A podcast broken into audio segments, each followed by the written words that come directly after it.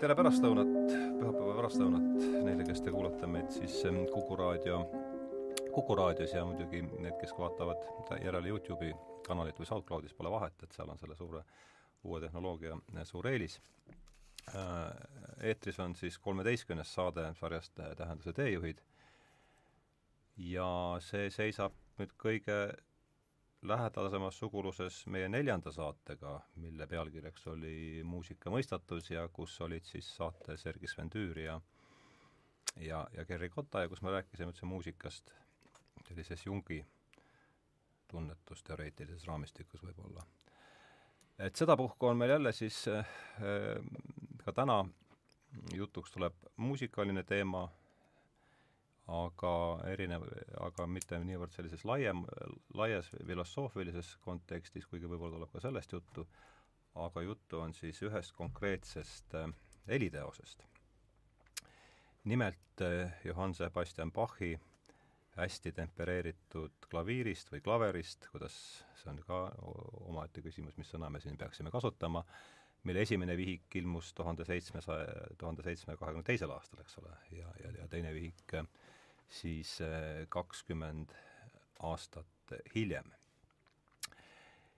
ja plaan ja, ja saate, saatekülalisi on meil siis taas kaks, äh, kaks muusikateadlast, äh, Jaan Ross, Eesti Teaduste Akadeemia liige, ja, ja Toomas Siitan, kes on siis see on kaam-, Youtube'is võib näidata kaamerasse, kirjutanud muuhulgas ka ka, ka selle raamatu Õhtumoode äh, muusikalugu, mida ma siis oma järeleharimiseks selleks saateks ka mingil määral äh, kasutasin. ja meil oli plaanis alguses rääkida üldse sellest äh, ajast, natukene taustast, kus, milles see teos siis äh, esile kerkib. ja, ja mulle väga meeldib see esi, kohe esimene lause siin selles Johann Sebastian Bachi äh, peatükis, mis minu arvates võtab päris palju kokku kogu sellest asjast ja võib-olla siit hakkamegi siis siit äh, sellest pihta, et siis tsiteerin äh, Toomase raamatust Õhtumaade muusikalugu esimest lauset äh, Johann Sebastian Bachi peatükist, et Johann Sebastian Bach on lääne muusikaloos nagu kõrge mägi, mis veelahkmena jagab, jagab jõgede voolusuundi. ühele poole Vana-Euroopa ühele poole Vana-Euroopa ning loominguga jumalat või maist valitsejat teeniv kunstnik, teisele poole geeniust kummardav uus aeg. et äh, aasta on siis tuhat seitsesada kakskümmend kaks, äh, see on siis Bach on kätteniseks, hakkab seal äh, otsi kokku tõmbama ja ma arvan, et üks huvitav asi Bachi puhul ongi see, et kõik need neli perioodi, need, neid linnu ju rahu, lahutab üksteisest võib-olla sada, sadakond kilomeetrit ja tema suurim mm reis on vist siis, kui ma õigesti mäletan, Lübeckisse, eks, mis on sealt jah, see on natuke pikem reis. see on natuke pikem reis, mis ta, mille ta siis võttis edasi, ette, võttis ette jalgsi, et see on sinu lause, Toomas, et äh, ole hea, pane sellele natukene, hakkame seda perioodi siis natuke niimoodi mm -hmm. sinna kuidagi lihaluudele panema sellele. See on üks vana tava äh, panna pahk kuhugi keskele, et see äh, teda on vaadatud äh, nii algusena kui lõpuna ja, ja ta on tõesti nagu mingisuguste suurte muutuste lõikepunktis. Kui Albert Schweitzer kirjutas natuke rohkem kui sada aastat tagasi oma, oma kuulsa Bachi monograafia, siis ta jahmatas tolleaegset lugejat sellega, et ta, tema esimene suur tees oli see, et Bach on lõpp. Äh, Bachi, kõik teed viivad Bachini, aga temast ei lähtu mitte midagi. ja äh, täna kõlab see kaugelt liiga radikaalsena, aga kuidas sellesse aega paigutada see, see ütlemine, siis ta püüab äh, muuta tõepoolest seda vaatepunkti väga radikaalselt sest et sinnamaani nähti äh, Bachi peaasjalikult algusena. ja see teatud mõttes see on säilinud tänaseni, kõik, kes muusikat õpivad vähegi professionaalsemal tasemel, need äh, mängivad Bachi tingimata, aga Bachi eelset repertuaari äh, väga harva või ainult mingisuguse spetsiifilise huvi puhul et tõepoolest see niisugune uusaegne muusika mõistmine, muusika äh, kogemus algab mingil moel just nagu Bachist. ja selles valguses oli harjutud teda nägema äh,, siis tuleb Schweitzer, ütleb, et ei, ta ei ole algus, ta on lõpp äh,, vaadake nagu teist perspektiivi. Ja, ja täna siis võib-olla me äh, üritame näha mõlemat, ta on millegi äh, väga selge lõpetus äh, ja me oleme nüüd hakanud uuesti märkama, mille, mille algus ta on. et ta, ta kahtlemata lõpetab mõnes mõttes siis selle mm, noh, keskajast alguse saanud ettekujutuse muusika tegemisest, mille, mille väljendiks on ars perfecta täiust taotlev äh, kunst, kunstiteos, äh, iseseisev, absoluutne, autonoomne äh, ja mingite reeglite alusel nagu täiuslikult välja komponeeritud, aga just nimelt ikkagi kaanonitele vastav. ja teisel pool, uusaja poolel, on siis niisugune väga individuaalne kõigest muust erinev äh, geeniuse kunst. Äh,. ta, ta nagu nende lõikepunktis, temas on mõlemat. Äh, ja, ja see laseb nüüd teda võib-olla nii paljude asjadega seostada, see teeb temast niisuguse teatud mõttes lääne muusikaloo keskpunkti, et täna ei ole enam eriti moodne äh, vaadelda selliseid pikki ajalooprotsesse sellise ühtse äh, Äh, ühtse narratiivina. aga, äh, aga siiski, et kui me, kui me nagu seda traditsiooni järgiksime, et siis on Bach seal kusagil teljepunktis. jaa, et Bach kui millegi lõpp ja millegi algus, et see tundus intrigeeriv mõte, kuidas seda võib-olla edasi arendatakse? Ma tegelikult alustuseks äh, räägiksin parema meelega ühest muusikaajaloo meetodi küsimusest muusikateadlased omavahel oleme seda harjunud nimetama äh, stiiliajaloo ja struktuuriajaloo äh, vastanduseks äh,. et saateks valmistudes raamaturiiulist võtsin välja ühe äh, suhteliselt vana raamatu, mille järgi me omal ajal konservatooriumis õppisime muusikaajalugu, see on Tatjana äh, Litvinova. Livanova. Livanova, jah mm., Livanova äh, lääne muusika ajalugu ja äh, see on nüüd puhtakujuline näide äh, stiiliajaloolisest äh, käsitlusest, kus tekst, raamatu tekst räägib sellest, kuidas stiilid ja žanrid justkui immanentselt järgneksid teineteisele mingisuguse oma sisemise loogika või, või tõmbejõudude mõjul ja sellest, mis muusikat ümbritseb, sellest seal peaaegu juttu ei ole. ja ma tahaksin rõhutada, et Bachi nagu mis tahes teisegi heliloja puhul me ei suuda täpselt aru saada tema elu ja loomingu sidemetest, tema loomingulisest kulgemisest, äh, kui me jääme selle stiiliajaloo printsiipide juurde, et äh, meil on siia vaja vähemasti kõrvale, äh, kui mitte asemele struktuuriajalugu, ehk siis meil on tarvis aru saada, millistes raamides, millistes sotsiaalsetes raamides helilooja tegutses.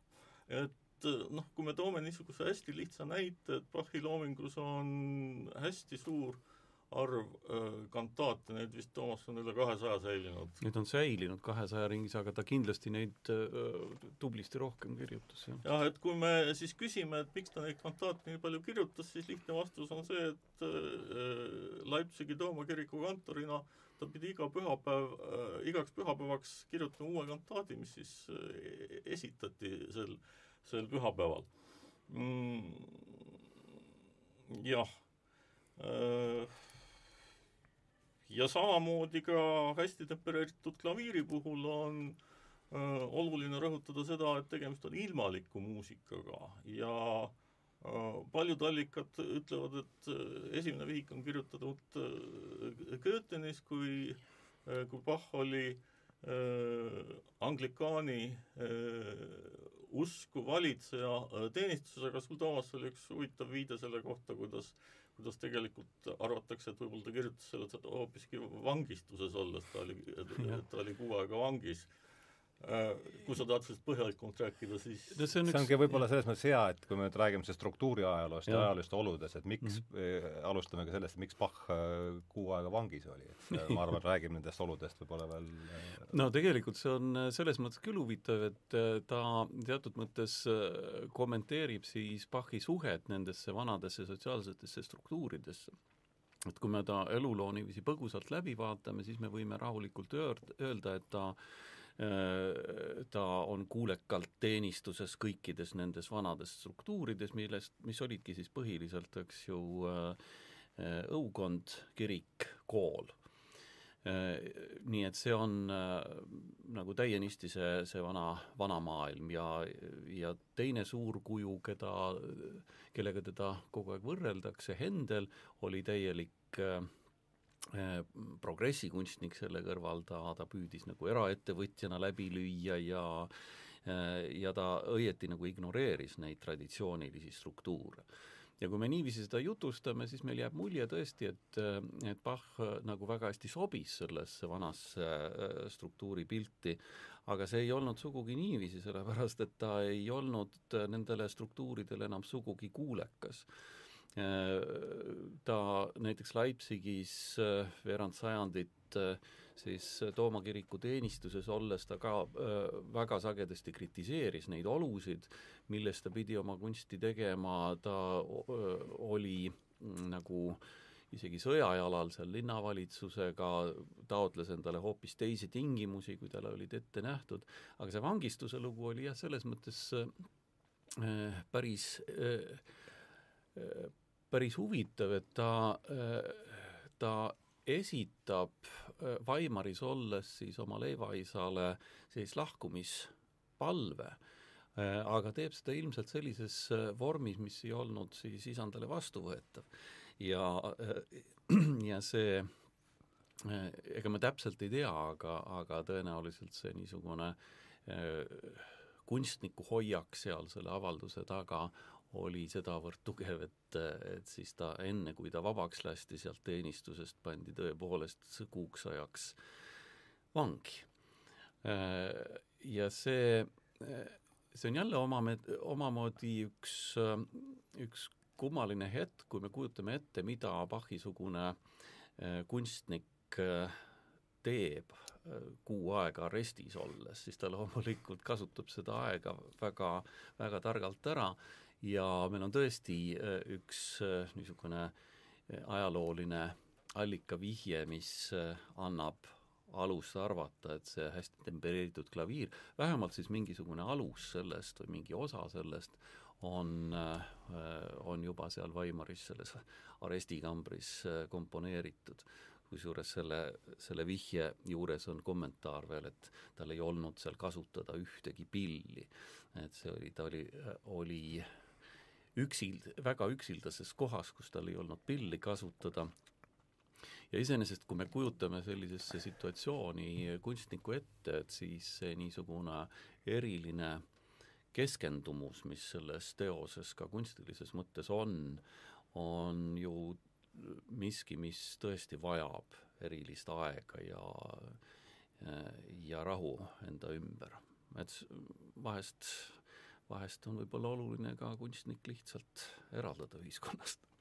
Šveitseril on tegelikult natuke, natuke erinev selgitus mm -hmm. selle üksinduse toa kohta, ta oletab, et, äh, et tegemist oli kontsertreisiga, kus nad äh, käisid siis koos Götteni valitsejaga ja et see ja, võis ja. olla reisitingimustes mõni hotellituba või, või midagi niisugust. Jah, muidugi, meil ei ole täpset, täpset selgitust aga kui ma tohin veel äh, natukene äh, lisada äh, stiili- ja struktuuriajaloo asjus, et siis esimest korda ma struktuuriajaloo sisust hakkasin taipama tänu ühele raamatule, mis ilmus seitsmekümnendate, möödunud sajandi seitsmekümnendatel aastatel muidugi, ja mille autor oli tunnustatud Leningradi muusikateadlane Mihhail Truskin.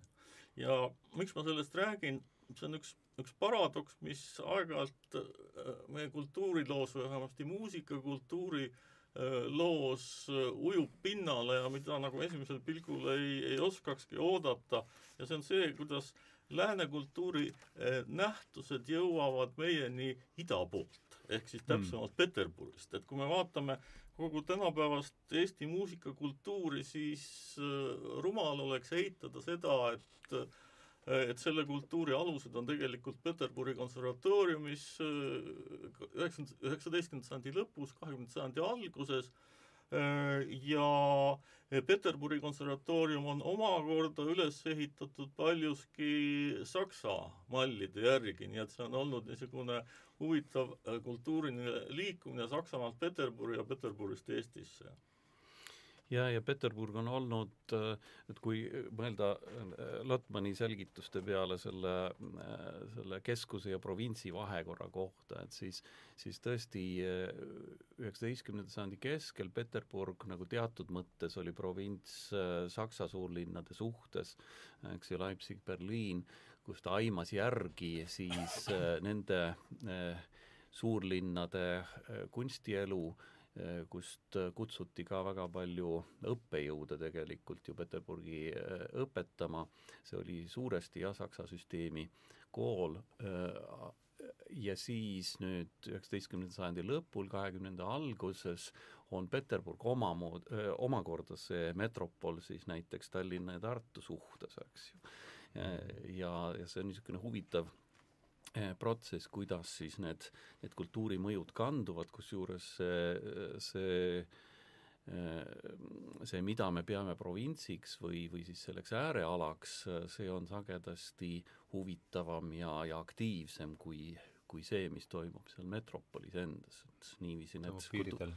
jah Äh, kas saan ma nüüd õigesti aru nendest põhimõistetest, mis siin on läbi käinud siiani, et stiiliajalugu vaatab muusikat nagu asjana iseeneses, jättes kõik selle ja. sotsiaalse poole kõrvale ja, ja struktuuri ajalugu vaatab siis muusikat osana nendest äh, ühiskondlikest oludest? jah, no stiiliajaloo äh, niisugune kõige Äh, jämedam näide on see, et meil oli barokiajastu, sellele järgnes äh, Viini klassitsism, sellele järgnes romantism ja siis kahekümnenda sajandi lõpus äh,, vabandust, üheksateistkümnenda sajandi lõpus, kahekümnenda sajandi alguses toimus siis omamoodi plahvatus, äh, seda õpetas meile konservatooriumis kadunud Leo Normet, kus siis äh, tekkis tohutult palju äh, erinevaid äh, stiile, kuni selleni välja, et äh, et helilijad rohkem või vähem teadlikult hakkasid neid äh, stiile äh, ise leiutama ja kirjutama raamatuid, kuidas nende äh, muusikast peaks aru saama, no Olivier Messiaeni Minu helikeele tehnika näiteks on, on üks näide selle kohta.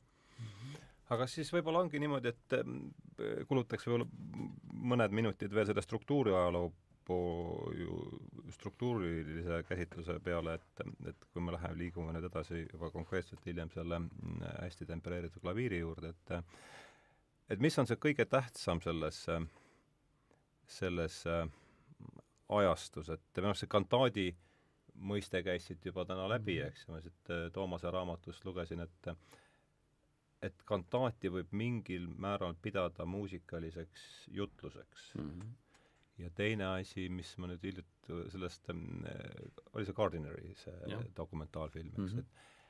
et et, et mis mind, mis oli oluliseks äh, selliseks äh,, avas jälle silmad, et tollal kestsid ikkagi äh, siis, kõik käis ju ümber kiriku mm -hmm. ja, ja jumalateenistused kestsid seal neli, kolm-neli tundi, et mm, -hmm. et, et võib-olla äh, lihtsalt siit, siit Toomasele sõna, sõnajärg, et kantaat ja muusikaline jutlus ja Luteri kirik ja just äsja mhm. lõppenud ususõjad, et kuidas seda mm, -hmm. kuidas seda kõike siin niimoodi kokku võtta?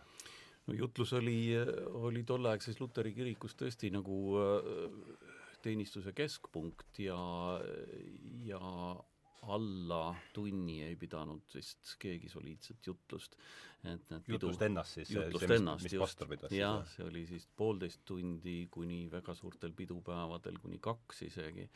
Need olid äh, väga kunstipäraselt äh, vormistatud ja me räägime nüüd puhtalt sõnalisest osast just, ainult sellest.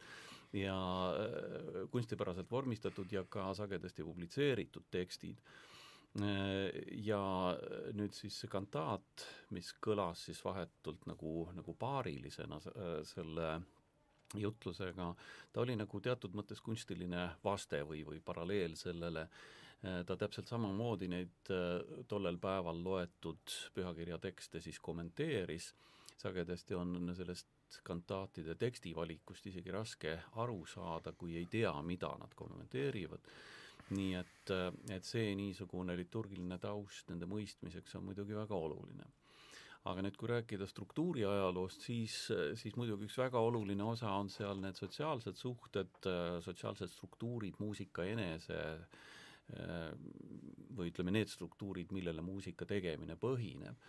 aga sinna juurde kuulub ka veel ideede ajalugu mm. -hmm. et ütleme äh, seitsmeteistkümnendal sajandil äh, kujunema hakanud niisugune äh, täiesti uus teaduse käsitlus, empirism ja, ja ratsionalism, ütleme, Descartes'i niisugune mõttemaailm, mis viib nagu väga oluliste muutusteni kaheksateistkümnendal sajandil, äh, et see mõjutab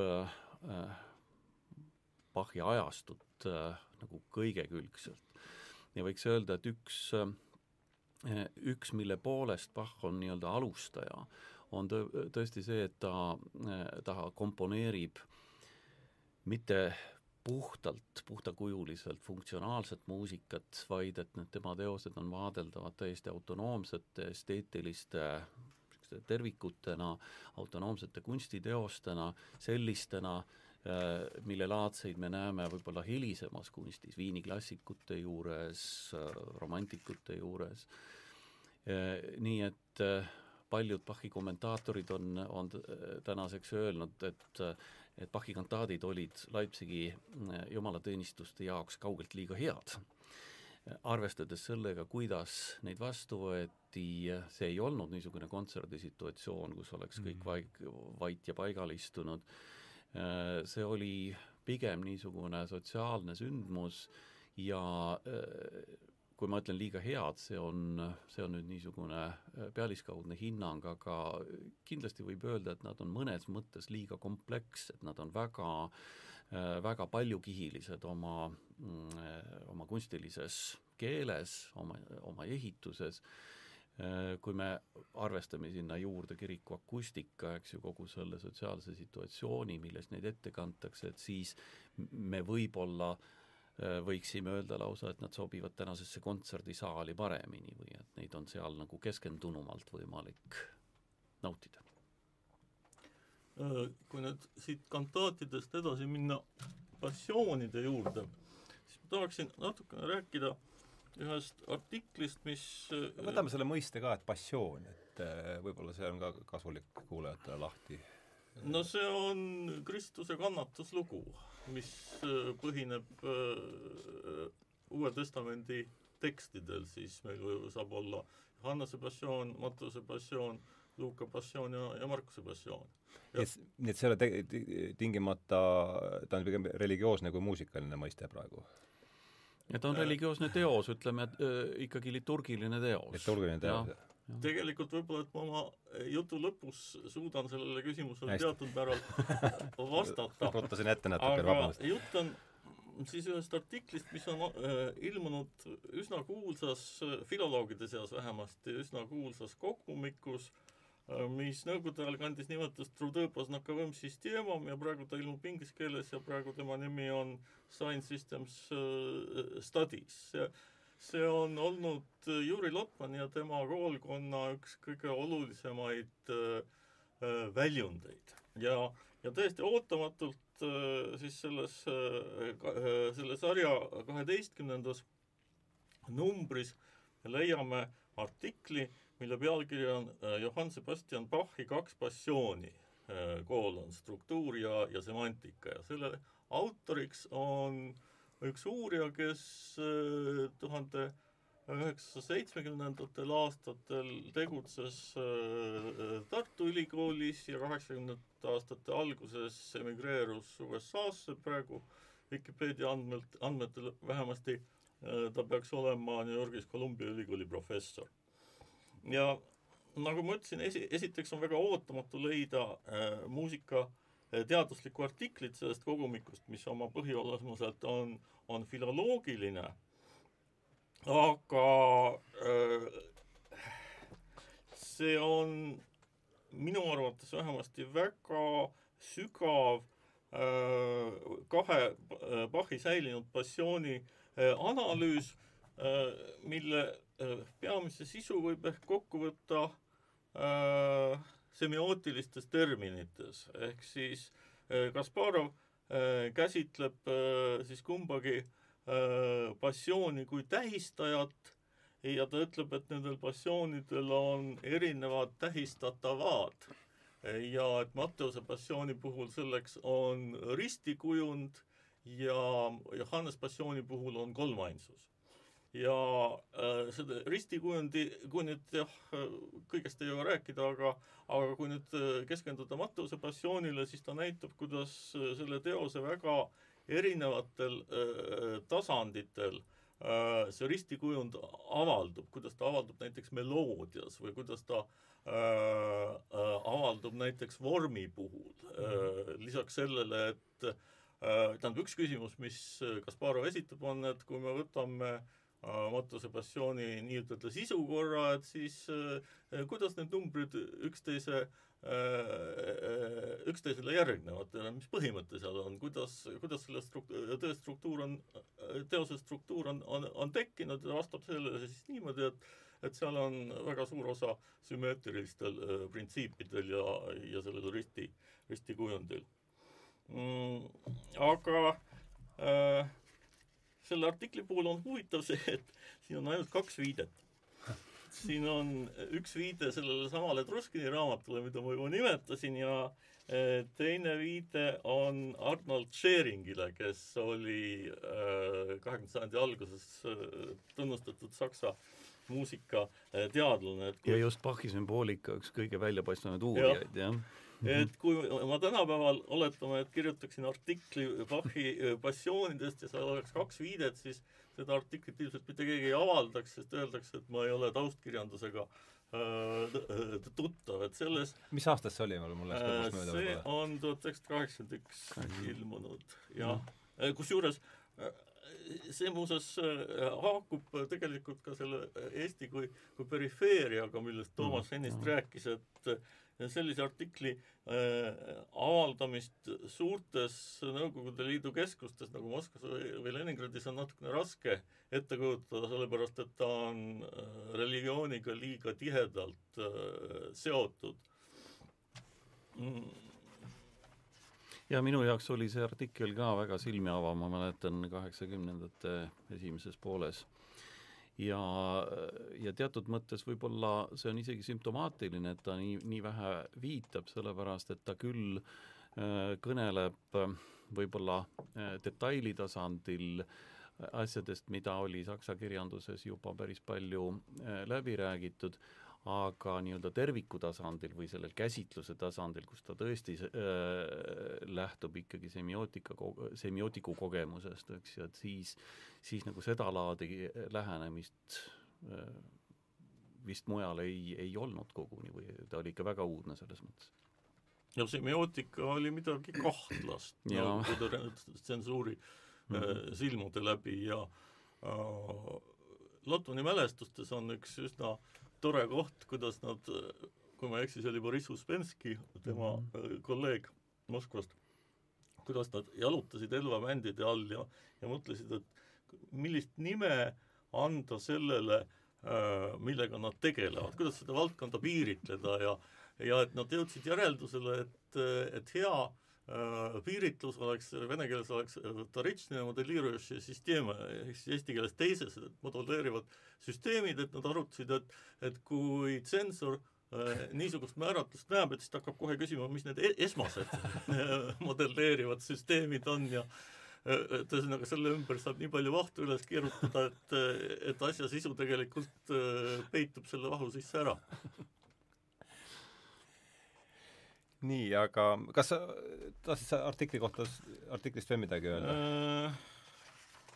ei, tegelikult vist oluline asi sai, sai öeldud äh,. Lihtsalt, no võib-olla kokkuvõtteks seda, et äh, et Tartu Ülikool, kus ei ole ju kunagi muusikat äh, õpetatud süstemaatiliselt, kui nüüd jätta välja Viljandi Kultuuriakadeemia praegu, mis on ka Tartu Ülikooli koosseisus, et siis on huvitav ülikooli ajaloos või ülikooli teadusajaloos leida selliseid üksikuid muusika uurimisi kold, muusika uurimise koldeid, tähendab, see ei ole muuseas Kasparovi ainus muusikale pühendatud artikkel mm. selles samas märgisüsteemide seerias on neid teisigi, üks on Mozarti äh, viimasest sonaadist ja siis üks on äh, klassikalise harmoonia äh, käsitlusest generatiivse grammatika põhimõtete alusel äh,.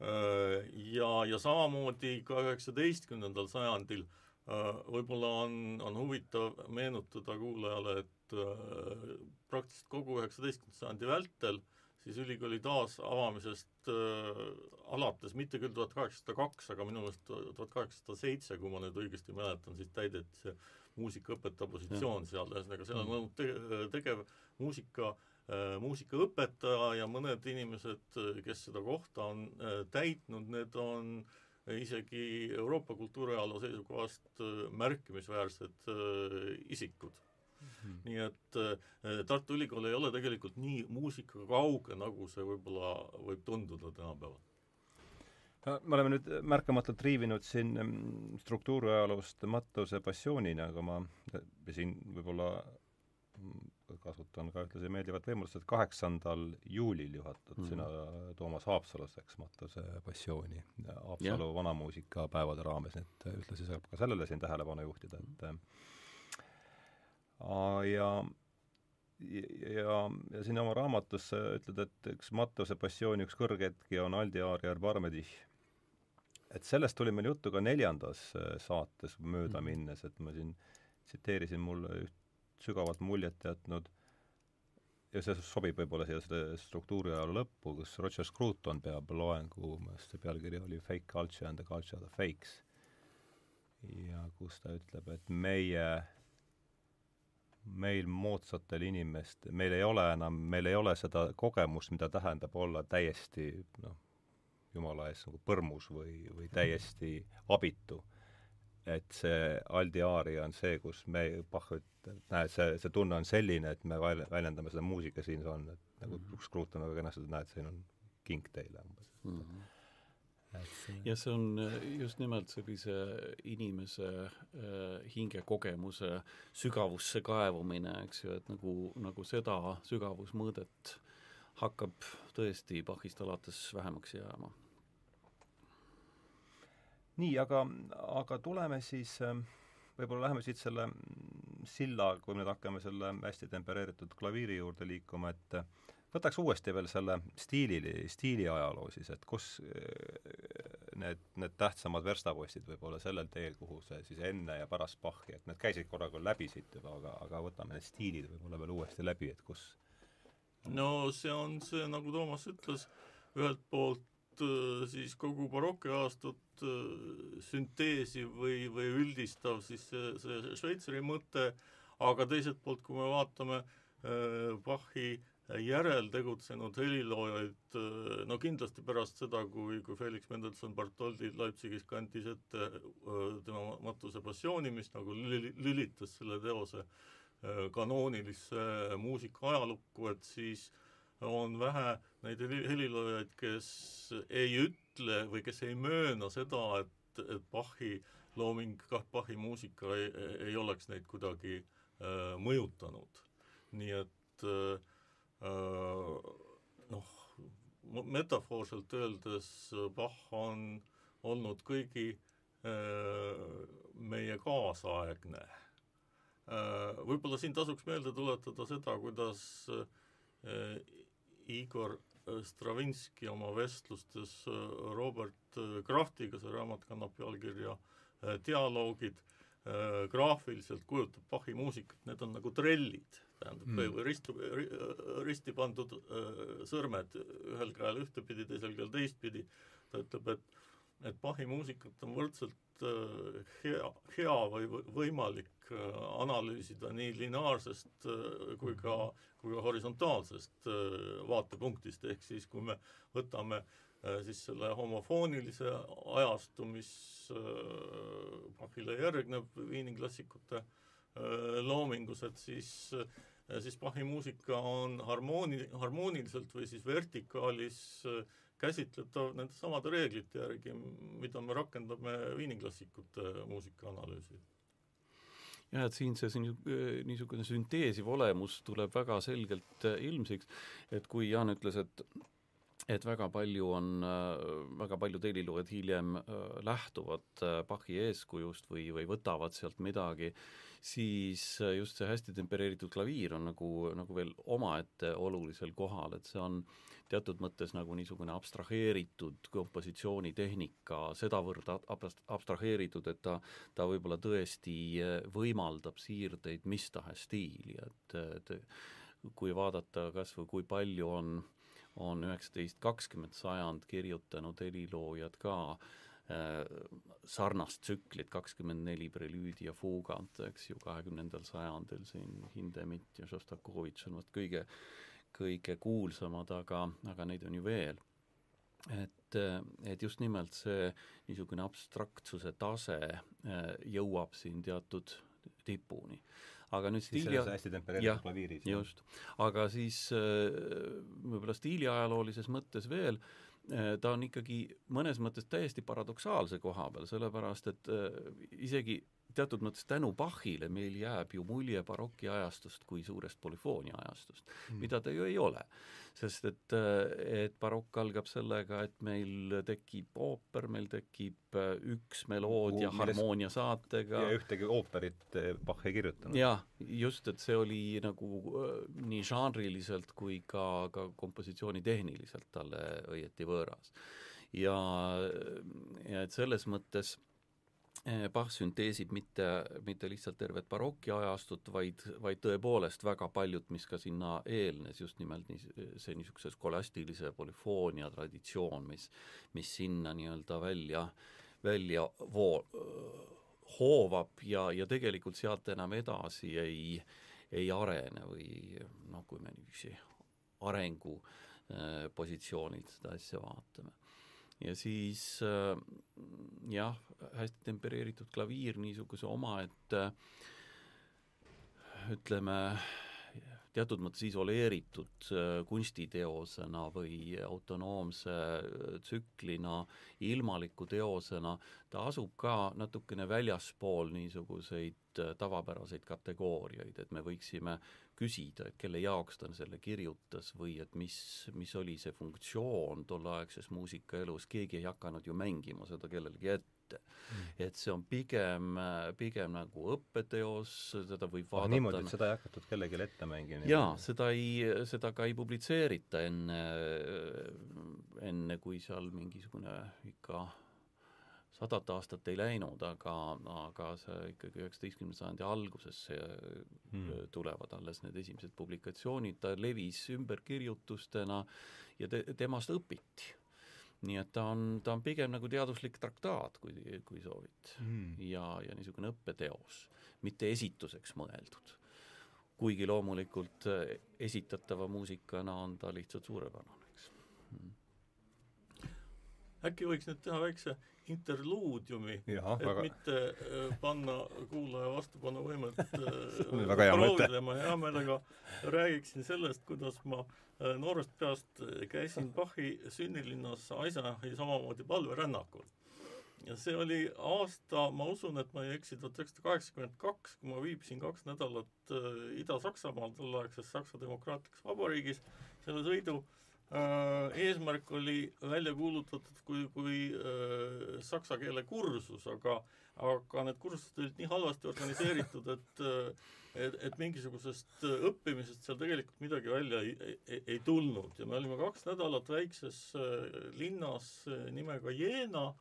Ja ma pean ütlema, et kohalike elanike suhtumine meisse oli kui kaubareisile tulnud Nõukogude turistidesse, ehk siis see see suhtumine oli äh, kohati avalikult vaenulik ja sellest, sellest tekkis üks niisugune küllaltki ahistav õhkkond, et sellest välja pääseda tekkis mul mõte, et et kuna Eisenach asus sealt paari tunni rongisõidu kaugusel, et et ma tahaksin teha seda, et, et sõita Eisenachi ja, ja viia Bachi mälestussamba jalamile lilled.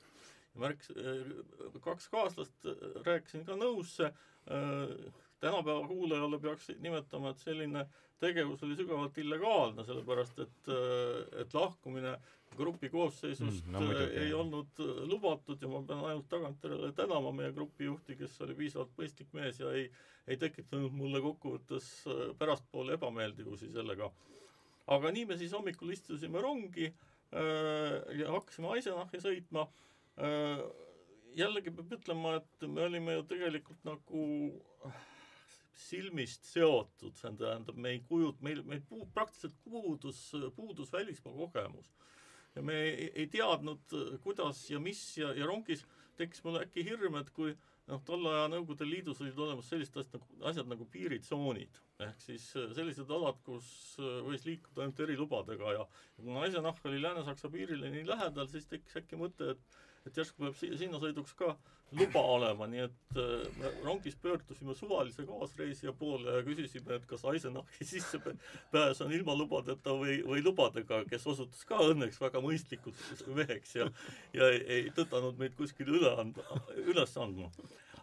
No tähendab, päris rumal see mõte ei olnud äh, selles mõttes, et kui me Eisenachi jõudsime, siis seal oli äh, iga perrooni juures seisis relvastatud sõdur aga mingit dokumentide kontrolli seal ei toimunud, nii et me läksime siis linna ja otsisime Bachi mälestussamba üles, see asub maja kõrval, mida pikka aega on peetud Bachi sünnimajaks, aga mis praegu vist arvatakse, et seda siiski ei, ei ole, ole. nii et me selles muuseumis käisime ja saime oma lilled asetatud ja siis sõitsime tagasi äh, siis peapesu vastu võtma äh, grupijuhilt, et niisugune idealistlik mälestus on mul noorest põlvest nii, aga siis paneme siis inter, inter, sellele inter, interluudiumile punkti praegu ja ja ka siin tuli terve rida mõisteid, ma arvan, et see, me olemegi jõudnud, võib-olla see juhatas sisse meile teise eh, saate osa, et et terve rida mõisteid võib-olla, mis oleks kasulik siin lahti äh,. hakkame sellest samast polüfooniast pihta, kuidas seda muusika kaugele äh, inimesele nüüd niimoodi, kes meid on, kelles see väike vahepala tekitas võib-olla sellise ergastatud huvi jälle, et, et, et kuidas me saaks talle selle mõiste niimoodi lahti selgitada, mis asi on polüfoonia, millele see vastandub, mis on see ta vastandub homofooniale. Ja ikkagi jälle tulles tagasi selle äh, Stravinski trellide juurde, et äh, polüfoonia on see, mis vaatleb muusika äh, Äh, lineaarset kulgemist, ehk siis äh, eri, me saame rääkida polüfooniast ainult mitmehäälse muusika puhul äh, ja polüfoonia käsitleb nende häälte omavahelist vahekorda ja, ja polüfoonilise kirjutamisviisi kõige eredam näide on muidugi fuuga. Mis on siis üks osa sellest hästi, prelüüd ja fuuga on see jah, just. nii mm -hmm. hästi tempereeritud klaveri igas helistikus äh, on üks prelüüd ja üks fuuga mm. -hmm no see lineaarsus, eks ju, ta koosneb niiviisi lihtsalt öeldes nagu erinevatest muusikalistest liinidest või meloodiatest, polüfooniline kirjaviis äh, õpetab seda, kuidas neid erinevaid liine kokku kokku kombineerida, äh, komponeerida, see, seda tehnikat nimetatakse kontrapunktiks, kontrapunkti tehnikaks. Punktus kontrapunktum, noot noodi vastu, äh, seal on terve hulk reegleid, mida me kõik oleme ka koolis õppinud, aga mille järgi siis, siis võib-olla kõige puhtamalt komponeeriti vahest renessansi ajal, viisteist, kuusteist sajand, aga siis mm, baroki ajal, mis siis, kus see tehnika kulmineerub tõepoolest Bachi loomingus, siis jah, ma hea meelega võtan üle selle, selle trellide kujundi, et seal on juba nagu kaks erinevat suunda, mis seda muusikalist kude väga jõuliselt mõlemad korraldavad, üks on siis see, kuidas need liinid omavahel suhtlevad ja kuidas nad üksteisesse suhtuvad, kuidas see lineaarne kude on üles ehitatud ja, ja teine lineaarne see, see, mis kulgeb ajas. just, mis kul-, kulgeb, kulgeb ajas edasi ja, ja teine on siis see kooskõla äh, vertikaalne äh, suund ja Bachi harmoonia, see kooskõla äh, mõõde on kahtlemata ka üks, üks täiesti omaette käsitlemist ja uurimist äh, vääriv ala, sest et, et nii komplitseeritud, nii eh, läbi töötatud harmooniat nagu selles, selles ajas naljalt kellegi teise juurest ei leia.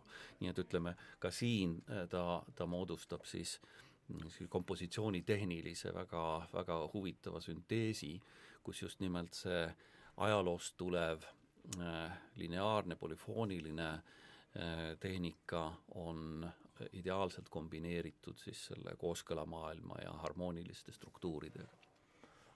aga võtame, kas me, kuidas meil selle fuga mõiste defineerimisega võiks minna, mida see endast kujutab? Äh, ma arvan, et võib öelda, et fuga on polüfooniline vorm. polüfooniline vorm. ta on viis, kuidas kirjutada polüfoonilist muusikat äh, Äh, seal on mitmed tehnilised nipid, mis on obligatoorsed äh, fuuga puhul, äh, kuidas teemat teisendada, seal on näiteks need transformatsioonid, tähendab peegel, vähikäik ja vähikäigus peegel, tähendab, need on siis transformatsioonid, mida saab fuuga teemaga teha. seda saab pöörata erinevat pidi ja fuga no. alguseks on alati teema ja teema võib tihtipeale tulla hoopiski äh, mõnest teisest teosest või võib keegi selle teema ette anda, no äh, kui me tegime omal ajal konservatooriumis äh, polüfoonia eksamit, siis selle eksami sisu oligi fuga kirjutamine, meile anti hommikul kell üheksa teema kätte, anti klass, kus oli klaver ja kahekümne nelja tunni jooksul pidi see fuga olema valmis, no tähendab, nii palju mul ei kulunud, mul kulus umbes kaksteist tundi selle, selle kirjutamiseks, aga siis kui nendest transformatsioonidest äh, lähedalt lähe, lähemalt rääkida, et siis äh, peegel on see, et kui meil on äh, ülespoole Äh, minev intervall, siis pe-, peegelkujus äh, see intervall on allapoole sellest äh, esmasest helist. pööratakse nagu pea peale ja, see meloodia. ja vähikäik on see, et me hakkame lõpust algusesse liikuma selle, selle teema nootidega, mis võib tunduda ootamatult kuidas öelda, formalistlik. see on väga rangelt struktureeritud asi on, ma, ma saan aru, eks ole, see jah aga, aga see jah, näitab seda, kui äh, kui formalistlik mõnikord muusikateooria võib olla või mitte ainult mm -hmm. muusikateooria, vaid, vaid ka muusikapraktika ja ja helilejate seas hinnatakse väga kõrgelt äh, oskusi neid, äh, neid transformatsioone äh, siis, siis rakendada fuuga kirjutamisel ja lõpuks neljas traditsioon on, on äh, peeglis vähikäik, ehk siis kus rakendatakse siis, siis, siis kahte transformatsiooni korraga. see on nagu see Rubiku kuubiku ettekujutus. No sa alustasid võib-olla keerulisemast, aga et see kõige olulisem printsiip on ikkagi just sellesama teema läbiviimine või läbi, läbi imiteerimine kõikides häältes, et kui meil on näiteks neli, neli häält ühes fuugas, mis on nagu kõige tavalisem, et siis üks teema peaks liikuma nagu järjestikku kõikidest häältest läbi ja iga hääl siis jätkab nii-öelda selle kontrapunktiga, jätkab ühe, ühe ühe uue meloodia osaga, mis peab siis selle iga järgneva teema läbiviimisega eh, kooskõla moodustama. et see on, see on nagu just see kombinatoorika, mis on fuga, fuga aluseks. jah, kümnendas saate saates oli meil jutuks äh, Toomas Manni Võlumägi ja, ja Mann on ise öelnud, et tema on oma romaani komponeerimisel kasutanud seda kont-, kõigepealt ütleb ta seda, et ta on mm -hmm. kirjanike hulka sattunud helilooja ja et Võlumägi on just komponeeritud sellest mm -hmm. kontrapunkti meetodist äh, lähtuvalt, et igale häälele või igale printsiibile vastab. kas see on kuidagi see, kuidas minusugune võiks endale seda äh, Äh, kes ma seda tehnilist poolt üleüldse ei aru mm, -hmm. et need kõik need peeglid ja vähikäigud jäävad mulle, noh, mul ei, mul ei teki mm -hmm. nendega mingit sellist äh, noh. võib küll, tegelikult seda kontrapunkti mõistet kasutatakse ju metafoorina väga laialt, et ütleme, seda võib, võib draamakunstis ette kujutada, kirjanduses, sellest räägitakse, ka kujutavas kunstis on ka ju maale, mis on nii-öelda muusikaliste eh, impulsside ajal loodud ja kus räägitakse kontrapunktilistest põimumistest äh, kujundite vahel ja nii, et see on, see on jah, niisugune laiem natuke täpsem metafoor on, mida kirjandusteaduses kasutatakse, on polüfooniline ro ja. romaan. Just, ja see tähendab mm -hmm. siis seda, et meil on mitu erinevat süžeeliini, mis siis omavahel kulgevad paljuski sõltumatult, aga on siiski üksteisega koordineeritud mm. -hmm. see on see, kuidas me võiks kas muusikas seda kontrapunkti jah, täiesti mm. -hmm. Mm -hmm. ahaa äh,, aga siis äh, Mm, ma vaatan, üks lause, mis aga võtame selle klaviiri, et siis see on ka võib-olla oluline, et äh, klaviir ja klaver, et äh, kas me peaksime siin vahet tegema, on see äh, võib, mitte tingimata, aga ütleme, mina eelistaksin seda vahet teha, kui me ütleme klaver, siis me mõtleme väga konkreetset instrumenti täna. ja pealegi veel instrumenti, mida Bachi ajal ei olnud olemas. Ja klaviir on teistpidi mõiste, mis võtab kõik erinevad klahvpillid kokku, Bachi ajast siis klavessiin, orel, eriti just see niisugune väike tubane orel, mis oli palju tavalisem pill isegi kui klavessiin, ja klavikord, mis oli ütleme, niisuguseks tubaseks kom-, Äh, musitseerimiseks vast, vast kõige tavalisem, ka kõige odavam pill. nii et ütleme, need teosed ei ole siis komponeeritud ühele konkreetsele pillile, vaid et neid saab kohandada mis tahes äh, klavpilliga, noh, klaver nende hulgas.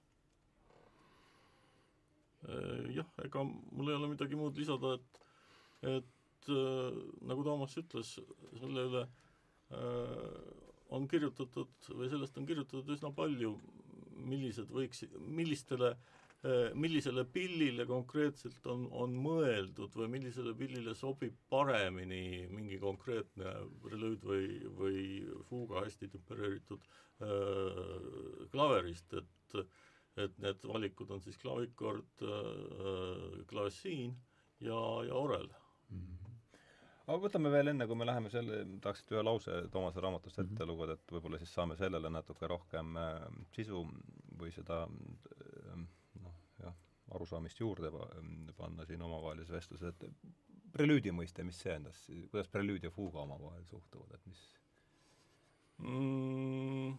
ega tähendab, siin ilmselt on vajalik muusika ajalooline rakurss ja selle koha pealt Toomas teab minust, minust rohkem, tähendab see äh, paar äh, prelüüd ja fuuga, et see tuleb äh, muusikaajaloos esile ka palju enne, enne Bachi, aga aga mhm. võib-olla sa oska, oskad täpsustada, Toomas, mis, mis, no mis ütleks, ajastul see ma ütleks isegi tekib. niiviisi, et niisugused paarilised struktuurid on, on väga pikka aega tõesti olnud äh,, olnud tavalised, et näiteks, näiteks juba renessansi ajal äh, esitati sagedasti äh, tantse paaridena, aeglane, kiire. Äh, ja igasugustes äh, noh, instrumentaalsonaatides näiteks on sagedasti just nimelt see, see niisugune vastandlikes karakterites osade paaride esitamine hästi, hästi tavaline, nii et see on juba Bach, enne Bachi paar sajandit iseloomulik, aga jah, polüfoonilises muusikas äh, tõepoolest seal ütleme umbes sada aastat enne Bachi see niisugune prelüüdi ja fuuga või mis tahes sissejuhatava öö, osa ja fuuga prelüüd on sissejuhatus põhimõtteliselt? just, et ta on sissejuhatav osa, tema karakter, tema komponeerimisviis ei ole mingil moel määratletud, tema asemel võib olla mõne teise nimega teos või, või osa seal, fantaasia, toccata äh,, noh, neid on, on tegelikult, see, see valik on suur, sisuliselt on nad kõik siis sissejuhatused sellele fuugale.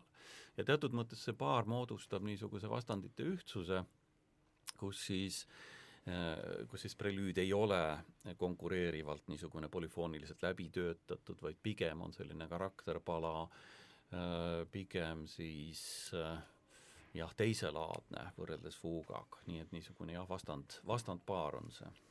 Aga ei maksa ka jätta nimetamata, et prelüüd võib hakata teinekord elama oma iseseisvat elu mm -hmm. fuugast sõltumatult ja kõige tuntum näide ilmselt siin on esimesest vihikust C-tuur prelüüd, millele siis nagu me teame, Charles Gounod on, on see on kõige esimene, eks? kõige esimene, jah. Mhm. Gounod on, on kirjutanud omamoodi aaria sinna siis kõrgemasse registrisse, mida Gounod, jah. Gounod, jah Mm, mis on seetõttu ka võib-olla, et isegi ma tohin öelda, üks Bachi tuntumaid teoseid üldse. jaa, võib-olla küll. ja äh, eks sinu saadete alguses kõlab seesama prelüüd ka. just, just nii see on, sellepärast on ka isiklik suhe selle mm, -hmm. selle tänase saatega rohkem võib-olla mõni, mõni muu kord. et ma saan, seni kuuldust ma nüüd kordan siis, mis ma enda arvates olen aru saanud, mis puudutab fuugat, et fuuga on väga rangetele reeglitele alluv mm -hmm. heliteos, et see ei ole, kui me nüüd vaatame kirjandusest, see ei ole mingi vaba värss, et see on mm -hmm. ikkagi väga, väga selgelt äh, rangelt struktureeritud. riimis, riimi, riimis asi, eks, et äh, ja selle pii-, kes see oli? kas see oli, no lugesin seda Milošilt kas Walt, kas ta tsiteerib, tsiteerib Walt Whitmani, et vaba värss on nagu äh, nagu tennisemärk, tennisemäng ilma võrguta, et siin on see võrk on ikkagi väga selgelt paigas, ma kujutan ette. ja piirid ka. piirid ka, piirid ka, jah. Mm. nii, aga siis ma loen sealt ette ühe või paar lauset ja, ja, ja, ja siis ma noh, järsku siis kuidagi saame seda tausta rohkem avada see on siis Toomase raamatust järje, järje, järjekordselt äh, Õhtumaade muusikalugu oli ta, oli vist selle Õhtumaade muusikalugu Sootek-, sootuks kõrgemaid kunstilisi ülesandeid seadis, seadis ta aga prelüüdides ja fuugades kogumikus äh, vabandust hmm., kohmakalt läheb mul see asi, sootuks kõrgemaid kunstilisi ülesandeid seadis ta aga prelüüdides ja fuugades kogumikus hästi tem-, hästi tempereeritud klaviir kummaski vihikus on kakskümmend neli prelüüdi ja fuugat kõikides mažoor- ja minoorhelistikes. Bach oli esimene, kes püüdis helistike ringi süstemaatiliselt ja täielikult ära kasutada. samas on need kaks tsüklit muusikaliste karakterite enneolematult rikkad kogud. Bach on otse kui iga helistiku, Bach on loonud otse kui iga helistiku ereda karakteri portree. et katsuks neid lauseid nüüd natuke, nende lausete tausta kuidagi avada. no kui ja jõuame siis selle mõttele ka temper-, mõisteni temperatsioon, et mida mm -hmm. see endast õigepoolest siis kujutab? kui alustada, siis võiks öelda, et äh, kogu muusikalise mõtlemise aluseks äh, helikõrguslikus plaanis on, on intervallid ja mitte üksikhelid mm. -hmm. Äh, palun veel see lause, et mul läks see praegu silja ette. muusikalise mõtlemise aluseks on muusikalised intervallid, üksikhelid. kvart, äh, kvint ja nii edasi. aa, see on, need on nüüd need ühikud, milles, milles siis heliloojad mõtlevad? intervall, aa, väga oluline. Äh, tähendab, ei ole, on küll selline huvitav võime nagu absoluutse kuulmise võime, mida on, on väga kõrgelt hinnatud praktiliselt kogu muusikaelu vältel, aga see ei ole vältimatu tingimus muusika eksistentsiks, ehk siis äh, ma võin mis tahes kõrgusega helilt üles ehit-, ehitada ühe või teise intervalli, siis suure tertsi või, või puhta kvardi.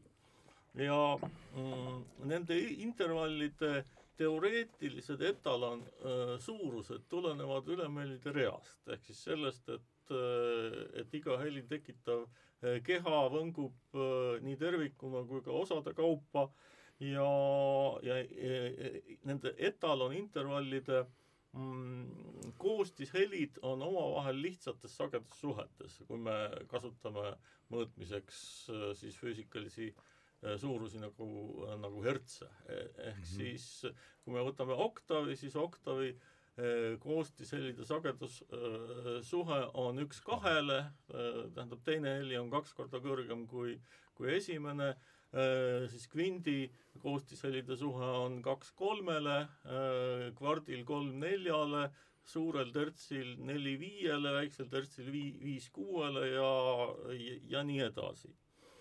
Mm, ja kui nüüd äh, rääkida äh, lääne muusikas helisüsteemi kujunemisest, siis võib-olla kõige lihtsam on meil ette kujutada klaveri klaviatuuri ja, ja heliredelit seal, tähendab, kui me võtame Toomas Vaarse heliredeli, siis do, re, mi, fa, sol, la, si ja sellele järgneb uuesti do oktav, oktav kõrgemalt. ja siis nagu ma ütlesin, kahe do vaheline kahe too vahel tekkiva intervalli koostishelide sagedussuhe on üks kahele ja probleem on nüüd selles, et kuidas me need ülejäänud helikõrgused oktavi raamides välja häälestame. tähendab, klaveri peal on meil valg-, valg-, valged klahvid, neid on seitse tükki, on mustad klahvid, neid on viis tükki, kokku kaksteist erinevat astet et, et küsimus on selles, kus need astmed siis sagedusteljel või helikõrgusteljel täpselt äh, paiknevad. ja probleem äh, kogu tempere-, temperatsioon iga klahvi taga on siis hertsides mõõdetud sagedus, eks ole? jah, ja äh, probleem on selles, et kui me tahame äh, kasutada neid et, puhtaid etalonväärtusi, siis, siis kvardi puhul kolm neljale, suure törtsi puhul neli viiele, ja paigutada neid oktavi raamidesse, siis see meil päris täpselt ei õnnestu.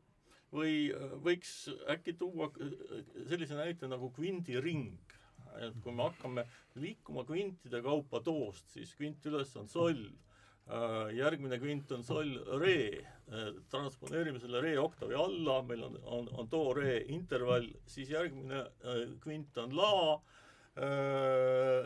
do, re, la on meil siis juba olemas oktavi sees.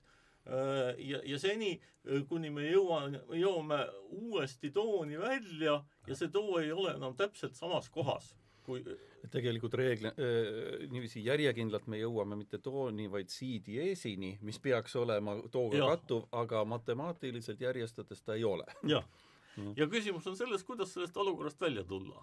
ehk siis e, see, see intervall, mis seal tekib, äh, nagu Toomas ütles, do ja si-diesi vahel, seda nimetatakse kommaks ja küsimus on selles, et et, et kuidas see komma siis, kuidas sellega Aa, käituda? komma on siis nagu jääk, mis jah, jääkintervall. jääkintervall, jah, ahah, sellest ma vist sain isegi aru praegu. nii ja seda jagatakse siis erinevates häälestussüsteemides erinevalt ära. ühesõnaga, võtame oktaavi, siin on üks siis, üks heli on teisest täpselt kaks korda ja. sageduselt kõrgem mm. -hmm. ja kui me hakkame neid nende siis, nende põhiliste üksuste kaupa, mida me siis nimetame kvintideks ja mm -hmm. jagama, siis meil, me ei jõua täpselt jah, see, te matemaatiliselt ei jookse kokku ei jookse süsteem, kokku jah ja., sellest peab praegu ja see on täiesti vältimatu, see viga, eks ju, see on puhtalt matemaatiline ja, ja see viga tuleb nii-öelda häälestussüsteemis ära tasandada mingil moel ja nüüd neid, neid meetodeid on erinevaid. aga kust me võtame need, kust tulevad need kvindid, võib-olla ma ütlen, nüüd ma olen täitsa niisugusel väga õhukesel jääl oma küsimus. rumalaid küsimusi ei ole olemas. aga kust tulevad need kvindid ja kvardid ja et kas need on äh, et, et kus see on puhas füüsika. jaa, seda küll, sellest ma saan aru, et need on, eks ole, defineeritud niimoodi, mis oli, kuidas see oli mm, -hmm. viis, mis oli viis kuuele? viis kuuele on väike terts. väike terts, nii. ei no füüsikaliselt see tuleneb sellest, et iga võnkuv keha ta võngub ka osade kaupa, siis, siis üks kahele, eks ole Äh, kolmandik üks kolmele ja, ja, ja nii edasi ja seetõttu äh, nagu liitvõnkumine. jah, tähendab, kui, kui, kui me kuulame kindla kõrgusega heli, no kas või näiteks minu hääle kõrgust, siis kui me äh, selle hääle äh, sisestaksime arvutisse ja vaataksime, mis sagedused seal äh, minu, minu hääles on, siis seal ei ole mitte üks sagedus, mis vastab äh, minu äh, äh, hääle kõrguse liikumisele, vaid seal on palju erinevaid sagedusi ja need äh, teised sagedused on kõige alumise sageduse täisarvkordsed mm -hmm.. okei okay. nii, hästi. Äh, äh, ja nüüd on siis, kui me hakkame seda oktaavi, mis on siis, on suhtes üks, üks kahele, nende kokku lepitud mm -hmm tavaks kujunenud intervallidega ära jagama, siis mm. matemaatiliselt ei jookse asi kokku sama, enam-vähem õigesti. selles süsteemis on matemaatiline viga, eks see komma ja nüüd, vot mina ei tea, ma olen äh, sellistele äh, vähekogenud õpilastele kasutanud ja see ei ole minu väljamõeldis, ühte niisugust võrdkuju, et kui teil on, on nagu suletud süsteemis äh, mingi mm, noh, ütleme näiteks teil on toas näiteks tolmurullid, tuttav situatsioon, eks. väga tuttav kahjuks. Äh, ja teil on vaja tuba nii-öelda ära koristada, äh, aga te ei saa neid tolmurulle millegipärast toast välja transportida siis on kaks äh, strateegiat, üks on see, et te pühite selle tolmu kokku ja lükkate voodi ääre alla, eks ju, ja siis on teil tuba puhas, aga toas on üks koht, mida te ei saa näidata teistele, eks ju. või teine võimalus on, teine strateegia on see hajutada see, see tolm ühtlaselt mööda tuba laiali, nii et tegelikult on täitsa kena, aga kui minna nüüd väga täpselt äh, vaatama, siis ei ole ühtegi päris puhast kohta. ja see on see, mida Bachis sai hästi tempereeritud? see on nüüd see võrdtemperatsioon, tegelikult Bachi hästi tempereeritud häälestus ei ole veel päris võrdtemperatsioon, aga ta on üsna lähedal sellele juba, ühesõnaga ta võimaldab äh, kasutada kõiki helistikke ja see, et ta ei ole päris võrdtemperatsioon, annab talle isegi äh, siis äh, noh, nagu selle eelise, nii nagu ma siin selles ette loetud lõigus ka ütlen, et et ta, ta nagu teravdab iga helistiku niisugust kõlalist karakterit, iseloomu veel, veel rohkem. muidugi tänapäeval väga palju mängitakse neid samu palu Äh, päris võrdselt tempereeritud äh, süsteemis ja, ja noh, võib-olla siin peab olema väga terav kõrv, et siin neid erisusi juba, juba märgata. aga jah, see, see niisugune kompromisslahendus, mis, mis tegelikult läks käibele alles üheksateistkümnendal sajandil, on siis see võrdtemperatsioon, kus siis kõik kvindid on häälestatud õige pisut väiksemaks, kui nende füüsiline, füüsikaline niisugune ideaal äh, on, aga nüüd see, see erinevus sellest, sellest ideaalsest puhtast kvindist on juba sedavõrd väike, et ta ei noh, ta ei häiri enam kõrva kusagil.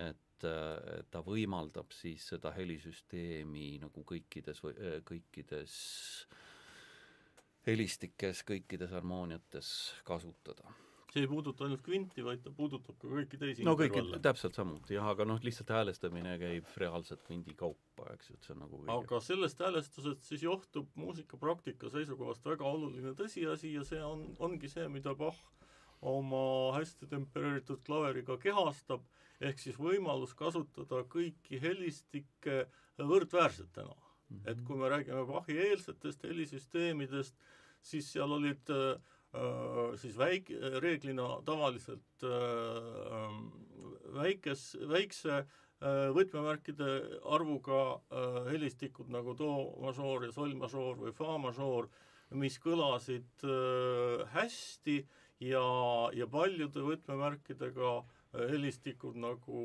fa dies mažoor näiteks, mis või Rebemel äh, mažoor, mis äh, kõlasid nii mustalt, et neid ei saanud muusikapraktikas kasutada Mm -hmm. aga Bach siis viib selle süsteemi, ütleme nii, äh, niisuguseks, et kõik need helistikud, igast klaveri klahvist oli võimalik ehitada nüüd siis helistik nii mažoorne kui minoorne, eks ju, et ja kõik nad olid juba kasutatavad. tegelikult muidugi selle süsteemi poole liiguti juba ammu ja, ja väga äh, Äh, väga paljud nii-öelda katsetasid selle, selle süsteemi laiendamisega, aga jah, nii süsteemselt ja nii, nii täielikult ei, äh, ei olnud keegi enne Bachi seda, seda süsteemi siis laiendanud. ma ei ole kindel, et ma päris täpselt aru sain, mis on nüüd see võrdtemperatsiooni, ma arvan, ma saan sellest põhiprobleemist aru mm, -hmm. aga mis oli nüüd võrdtemperatsiooni ja selle he siis hea temperatsiooni. no koht jäi võrdtemperatsioon vist on kõige lihtsam seletada äh, nii, et, et kõik pooltoonid ongi matemaatiliselt täpselt võrdsed äh,. on oluline öelda logaritmilisel Log skaalal. logaritmilisel skaalal, jah, just. et ähm, ja see Bachi hästi tempereeritud klaviiri häälestussüsteem, seda on ka muidugi palju vaieldud, et milline see ikkagi päris täpselt oli, et seal on veel väga väikest ebavõrdsust nende pooltoonide vahel mm., aga et nad on juba väga lähedal sellele võrdtemperatsioonile. Nad ei ole võrdsed? Nad ei ole päris võrdsed. aga need, ütleme, need erisused on, on sedavõrd väikesed, et, et siin peab olema ikkagi väga treenitud kõrv juba, et neid märgata. aga et keerulist asja veelgi keerulisemaks ajada, siis ma pean tegema ühe äh, kommentaari siin ja see on see, et et kõik see, mis me oleme juba seni Toomasega rääkinud, et see on äh, teatud mõttes teoreetiline konstruktsioon. Ja kui me vaatame äh, kuidas tegelikult helide maailm funktsioneerib, kui me teeme seda nii-öelda mikroskoop, mikroskoopi kasutades äh, äh noh, mille ekvivalent oleks helide maailmas äh, spektrograafia, mm, et siis me näeme, et näiteks inimese taju seisukohast need lihtsad äh, sagedussuhetega intervallid, millest oli juttu oktav üks kahele ja kvint kaks, kaks kolmele, et äh, nad ei ole taju seisukohast ideaalsed, et kui me teeme sellise eksperimendi, mida on palju tehtud psühhoakustikas, et Äh, paneme teid äh, istuma laborisse ja, ja te saate häälestada kahe heli kõrgust omavahel ja, ja ülesanne on hääl, häälestada see nii-öelda maksimaalselt puhtaks, siis see tulemus, mis me saame, ja see ei ole mitte viga, vaid see on statistiliselt kandev tulemus, äh, on see, et oktav häälestatakse pisut laiemaks kui, kui on üks kahele. suhe ja puhtalt äh, taju baasilt siis mm, -hmm. jah? jah, tähendab, muidugi taju on õppinud seda kuskilt ja võib kohe küsida, aga, aga et ku, kust seda siis õpitakse ja äh, ma ei tea, kas see on nüüd päris ammendav vastus või kas see on hea vastus, aga, aga see vastus, mis ma oskan anda äh, siin ja praegu, on, et, et ka klaveri puhul Äh, see võnkumine siis osade kaupa, see ei ole täielikult harmooniline, nii et kui me mõõdaksime klaveri äh, keele osa, osatoone arvutis, siis sinna on ka kodeeritud äh, kerge inharmoonilisus sisse ja, ja klaveri häälestaja seisukohast see Eh, väljendub sellises väga lihtsas tões, et, et ülemised noodid häälestatakse pisut kõrgemaks, kui teooria ütleb, ja alumised noodid häälestatakse pisut madalamaks, kui, kui teooria ütleb. aga võib-olla, et see on teooria oleks siis puhas füüsika siin või? Eh, teooria on need pu-, puhtad sagedussuhted mm. -hmm. aga mis on füüsika? lähtud tõukuvad füüsikast, eks ole. nii et äh, võib-olla see on natuke liiga keeruline teema selle saate jaoks, aga äh, aga siiski jah, ma pidin seda ütlema aga ma ei tea, natuke seda kõlab mustalt, see läheb siis nüüd ots-, see lause justkui haakuks nagu selle psühhoakustikaga, see on mm, -hmm. see on nagu see, kuidas me mingeid, see on sellist, kuidas me psühholoogiliselt või psühhi-, füsioloogiliselt mingeid helisid tajume, et kas mm -hmm. natukene siin jällegi ma tulenevalt oma sellisest äh, olematust taustast ma ei suuda seda küsimust võib-olla väga hästi formuleerida no,, aga ma loodan, et te saate aru, kuhu ma jah, sa, sa, sa, saame ikka.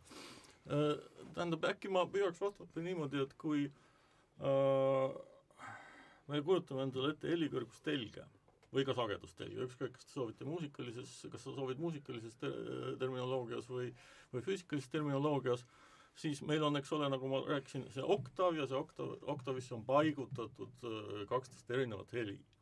et need kaksteist erinevat heli, tegelikult ka oktavi äh, koostishelid, nad ei mm. ole mitte ühes kindlas punktis sellel teljel, vaid nad on, on teatud, seal on teatud variatsioon, teatud muutlikkus.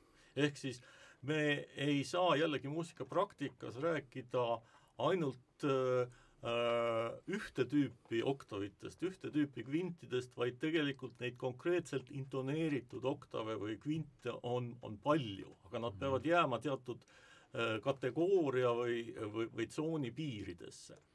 ja see, äh, milli-, tähendab klaveri puhul, klaver on ette ära häälestatud, seal ei saa äh, midagi muuta, aga kui ma äh, olen laulja või kui ma olen viiulimängija, siis ma saan muuta helikõrgusi ja noh, näiteks just viiuli äh, mängu puhul on küllalt palju mõõdetud intervallide, tegelike intervallide suurusi, mida mängitakse, meloodiliste intervallide suurusi, ja leitud, et kui me äh, püüame siis äh, neid suurusi aproksimeerida mingisuguse teoreetilise häälestus, häälestussüsteemiga, et siis see ka tänapäeval ei ole mitte võrdtempereeritud häälestussüsteem, aga see on Pythagorase häälestussüsteem mm. jah, sest et äh, pianist ei saa, eks ju, helikõrgust äh, muuta, tal on see ette antud, aga ja Pythagorase oma oli see hästi pu-, puhas niimoodi siis jah, matemaatiline, jah, jah. mitte päris, tähendab mitte... Pythagorase häälestus on see, mis rajaneb puhastel kvintidel mm -hmm. ja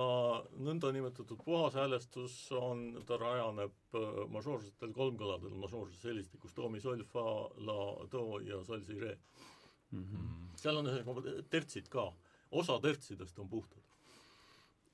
Jah, ja see tertsi küsimus ongi nüüd, äh, tertsi küsimus on nüüd see, see kõige keerulisem äh, muusikapraktikas, näiteks näiteks koorilauljad teavad seda, seda väga hästi, et, et näiteks kahe hääle vahel kvinti puhtaks häälestada ei ole suur probleem, aga see õige terts sinna vahele asetada on, äh, see nõuab juba timmimist nii et jah, see on heli kõrguse täpsuse küsimus. no nii, see ütleme nii, et ega see ei ole lihtne teema. ma tohin veel ühe kokkuvõtva lause äh, öelda, et seda võib endale ette kujutada niimoodi, et nende pillide puhul, kus häälestus ei ole fikseeritud ja inimhääle mm -hmm. puhul samamoodi, et tegelikult hea interpreet igal konkreetsel juhul otsustab, milline on see täpne intervalli suurus, mis mhm. sellesse muusikalisesse konteksti sobib mm. -hmm. et näiteks on äh, üks niisugune üldine seaduspärasus äh, see, et äh, mažoorses helistikus, ei tegelikult ka vist minoorses, juht on toonika suhe, ehk siis si-, too intervall, mis on, on väike, mis on pooltoon, et seda intoneeritakse üldiselt kitsamalt, kui teooria seda ette näeb jaa, ja see on jälle nüüd kultuuriliselt õpitud, sellepärast et näiteks äh,, näiteks see ei kehti renessanssmuusika juures, renessansimuusika juures tuleb seda just vastupidi, madalamaks intone-, intoneerida. ja siin me läheme juba väga detailidesse ja hakkame veel vaidlema ka omavahel. Aga võib-olla ütleme selle teise osa lõpetuseks, et ähm, kus me ilmselt oleme kuulajate kannatust äh, natukene proovile pannud, aga mm, -hmm. aga miks ka, miks me ei võiks seda teha. et äh, mm, Bach on loonud otse kui iga helistiku ereda karakterportree. kuidas sellest lausest eelöeldu taustal niimoodi aru saada? Kui me võtame näiteks do mažoori, kõige tavalisem helistik, ja paneme sinna kõrvale näiteks toon kõrgema re mažoori, siis nagu mingisugusel objektiivsel äh, tasandil on nad võrdsed helistikud. Nende seesmised intervallsuhted, kogu see ülesehitus on just nagu, nagu samasugune. samasugused, eks. samas juba ainuüksi see kõrguse erinevus millega käivad kaasas mingisugused niisugused energeetilised kogemused, mingisugune pingestatus näiteks, eks ju, mida kõrgem heli, seda, seda pingestatumalt ta kõlab. Äh, juba ainuüksi see tekitab, tekitab mingisuguse teistsuguse taju. see on nagu sama foto mingi teise ja, filtriga või? võib nii öelda, jah. ei ole väga ei, täitsa võiks adekvaatne olla võrdlus mm. Ja äh, ja nüüd vastavalt sellele, kui sinna veel liita need, need mikroskoopilised häälestuse erisused, mis tekivad nendes eri helistikes, et siis tõesti me võime öelda, et, et need helistikud kõlavad äh, mõnevõrra erinevates karakterites või nad, nad võimaldavad väljendada erinevaid karaktereid, näiteks äh, baroki ajal on terve, terve õpetus sellest, millist karakterit, äh, milline helistik paremini äh, edastab, näiteks äh, fa-mažoor on väga pehme, lüüriline, pastoraalne, re-mažoor vastupidi, väga, äh, väga särav, jõuline, pidulik ja nii edasi, ütleme, see on, äh, see läheks pikale,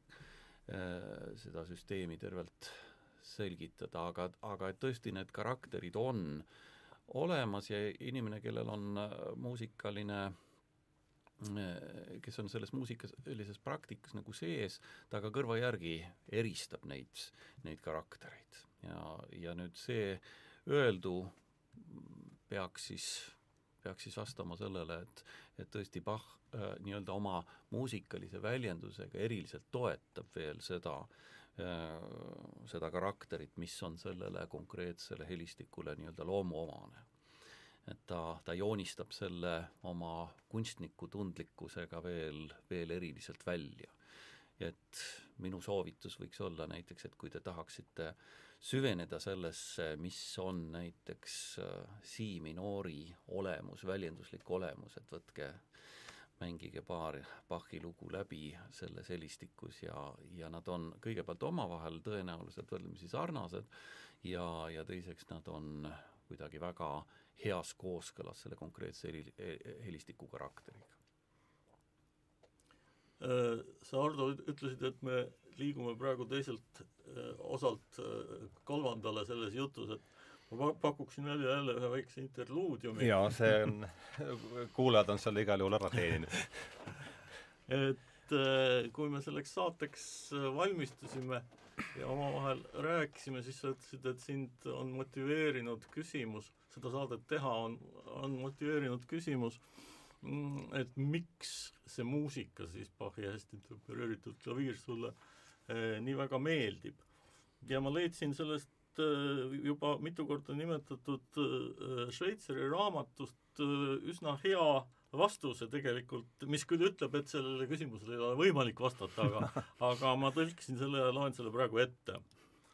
et Schweitzer kirjutab nii.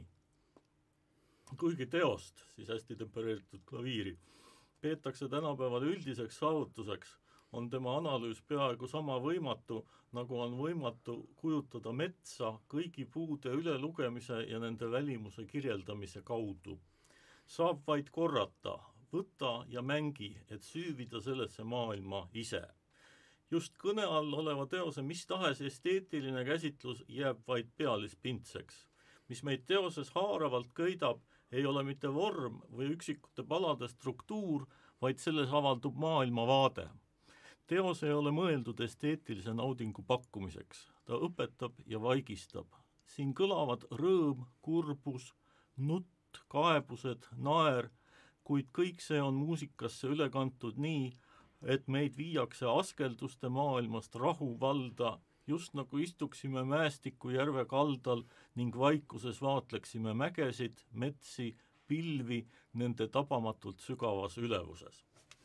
et äh, see, siin taga on tegelikult see mõte, et äh, teaduse, seal muidugi ka muusikateaduse piirid on äh, kitsad, ehk siis me ei suuda vastata kõigile nendele küsimustele, mis meid võib-olla huvitavad. Schweizeri sõnaseade on väga poeetiline, aga seal on, seal on mitu väga olulist märksõna minu jaoks. et kõigepealt see, et see muusika nii-öelda aitab tajuda tervet maailma, maailma kõiksust, maailma tervikut ja just nimelt tema tema terviklikus olemuses, mitte, mitte osade kaupa. et see on õieti selle vana ajaloolise Ars Perfecta üks, äh, üks ideaal. Äh, muusika oli ju selles vanas seitsme vabakunstisüsteemis ikkagi teadus, mis haaras kõiki erinevaid äh, loodusseadusi ühte niisugusesse harmoonilisse süsteemi ja, ja selle süsteemi või ütleme, ka, ka selle praktika eesmärgiks võiks siis vastavalt siis olla tõesti selle harmoonia kogemine, selle, selle tajumine. Ja, ja Bach on omamoodi vist seadnud selle niisuguse süsteemi lõpuni arendatuse oma kompositsiooni kunsti eesmärgiks. Kas või seesama fakt, kui me oleme palju rääkinud sellest hästi tempereeritud klaviirist, enne Bachi kirjutati kaheksateistkümnes helistikus, kahekümnes, vist kõige rohkem oli, oli kahekümne kahes, aga Bach äh, ei jäta enne, kui ta on suutnud selle lõpuni arendada, kahekümne neljani, kaugemale äh, selles süsteemis ei saa minna äh,. Me oleme kõik märganud, et äh, et Bachi paljudes äh, instrumentaaltsüklites on alati just kuus osa, miks kuus? Kuus oli täielikkuse lõpetatuse arv. jumal lõi kuus päeva, seitsmenda ta puhkas, eks ju, et see on nagu see niisuguse lõpliku täiusliku süsteemi väljaarendamine, mida ta, mille poole ta püüdleb.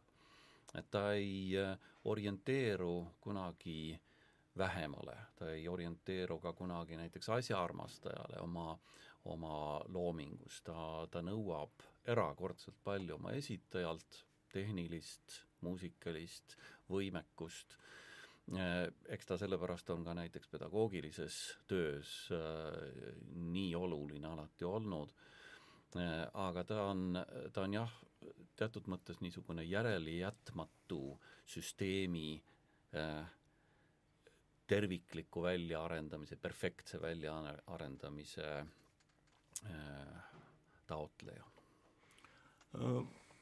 Ka psühholoogias on tähelepanu pööratud sellisele arvude maagiale ja on üks hästi kuulus artikkel aastast tuhat üheksasada viiskümmend kuus, äh, mille autor on Ameerika psühholoog George Miller Äh, ja selle pealkiri on The magic number of seven plus or minus two ehk siis maagiline arv seitse pluss miinus kaks. ja Miller äh, üritab seal tõestada väidet, et inimese lühiajalisse mällu mahub korraga seitse informatsiooniühingut, ühikut pluss miinus kaks ehk siis viiest üheksani. Et sellega saab seletada, miks teatud arvud kultuuris on sagedasemini, sagedamalt ette tulevad kui, kui teised, nagu siis ütleme, noh, kolm ei lähe nüüd päriselt selle Mill-, Milleri teooriaga kokku, aga just seitse, kõik need seitse kitsetalla ja ja kes meil on, seitse venda, seitse, seitse pöialpoissi äh, et äh, jah. Jaa, aga sellest on ka räägitud, et näiteks kolmesed struktuurid on, on tajut-, nähtavad nagu lõpetatumatena kui näiteks kahesed ja ja et see, kogu see niisugune matemaatika ja psühholoogia suhe, see elab nagu kunstilistes, just, just muusikalistes süsteemides nagu väga, väga selgelt. Eriti kui mõelda muusikalise vormi peale, siis ja, see kolmene jaotus on siin noh, võiks öelda universaalne lääne muusika loos. no see nüüd, see Schweizeri lõik oli nüüd konkreetselt äh, hästi tempereeritud klaviiri kohta. aga ma kujutan ette, see laieneb ka kogu, sama võib öelda ka kogu Bachi muusika kohta vast äh,, mida, mida, millele, mida, millest Toomas küll siin juba rääkis, aga no suurteosed on mitmeplaanilisemad. jällegi Kasparovi juurde tagasi pöördudes, siis, siis neid äh, struktuurikihte on võrreldamatult rohkem seal, kui on hästi tempereeritud äh, klaaveriprelüüdides ja, ja fuugades mm. -hmm. ja näiteks äh, kui siin oli kantaatidest juttu või passioonidest, seal ju ka verbaalse teksti kiht mängib väga mm. -hmm. olulist rolli, muusika teatud mõttes muutub niisuguseks paralleeltekstiks verbaalsele mm. -hmm ja, ja see nende omavaheline korrelatsioon on jällegi väga põnev ja Bach, Bachi poolt võib-olla kõige kaugemale välja arendatud, kusjuures äh, ka see verbaalne tekst võib, äh, võib olla ju ise või tavaliselt ongi mitmekihiline, tsiteerides näiteks mingisuguseid tekste, vihjates millelegi, et see vihjete ja tsitaatide äh, need kihid jah, ka muusika kaudu, need võivad olla äh, Need võivad olla väga keerulised ja, ja muidugi hästi põnevad uurida. siin oli juttu sellest, et see hästi tempereeritud klaviir, selle baasil õppisid, et tal on olnud äh, lääne heliloomingu selline väga suur pedagoogiline mõju. jaa, ja eks me oleme kõik äh, ka koolis mänginud neid ja ütleme, kõik kõik muusikud tegelikult lääne süsteemis äh,, nad mängivad kas siis neid konkreetseid või vähemalt sedalaadseid teoseid palju ja see, see tõesti kuidagi niisuguse kanoonilise teksti kogumina ta on, on mõjutanud kogu seda Bachile järgnevat muusikamaailma hästi tugevasti. ma usun, et oma klaveritundides ma olen läbi mänginud kas kuskil seal kolmandiku ja poole vahel esimese, esimese vihiku prelüüdidest ja fuugadest. Ja ülejäänud mängisid kodus. jah. Oota, kas see oli selles BBC dokis ja kes see ütles, et see on nagu muusika Vana Testament või et kas see ma ei mäleta, võis sa jaa, see on üks, üks vana kuulus ütlemine, et, et Bachi hästi tempereeritud klaviir on nagu Vana Testament ja Beethoveni sonaadid on nagu uus. jah, ja vist oligi midagi jah, sinna läinud. Aga ometi mm, jah, ma peaks nüüd siin kusagil hakkama seda vestluse otsi ka kokku tõmbama, et et Bach sureb siis tuhat seitsesada viiskümmend, eks. -hmm. ja ja on tuntud sada aastat ainult suhteliselt eh, ekspertidele. ekspertidele, jah. vähem. ikkagi tähendab see Leipzigi matuse passiooni selles mõttes, et vähem kui sada aastat? jah, tuhat, tuhat kaheksasada kakskümmend millegagi. kakskümmend üheksa oli see Leipzigi ettekanne. see on Mend-, Mendelsoni Mendelsoni ettekanne. Äh, enne seda tegelikult ilmus juba tuhat kaheksasada kaks, ilmus Nikolaus Forkeli äh, Bachi biograafia, üsna õhukene raamat. mis aastal? tuhat kaheksasada kaks. Äh, ja see raamat on, on teatud mõttes nagu nende suurte muusikute biograafiate algus, milles, milliseid siis kirjutati üheksateistkümnendal sajandil kes autor oli?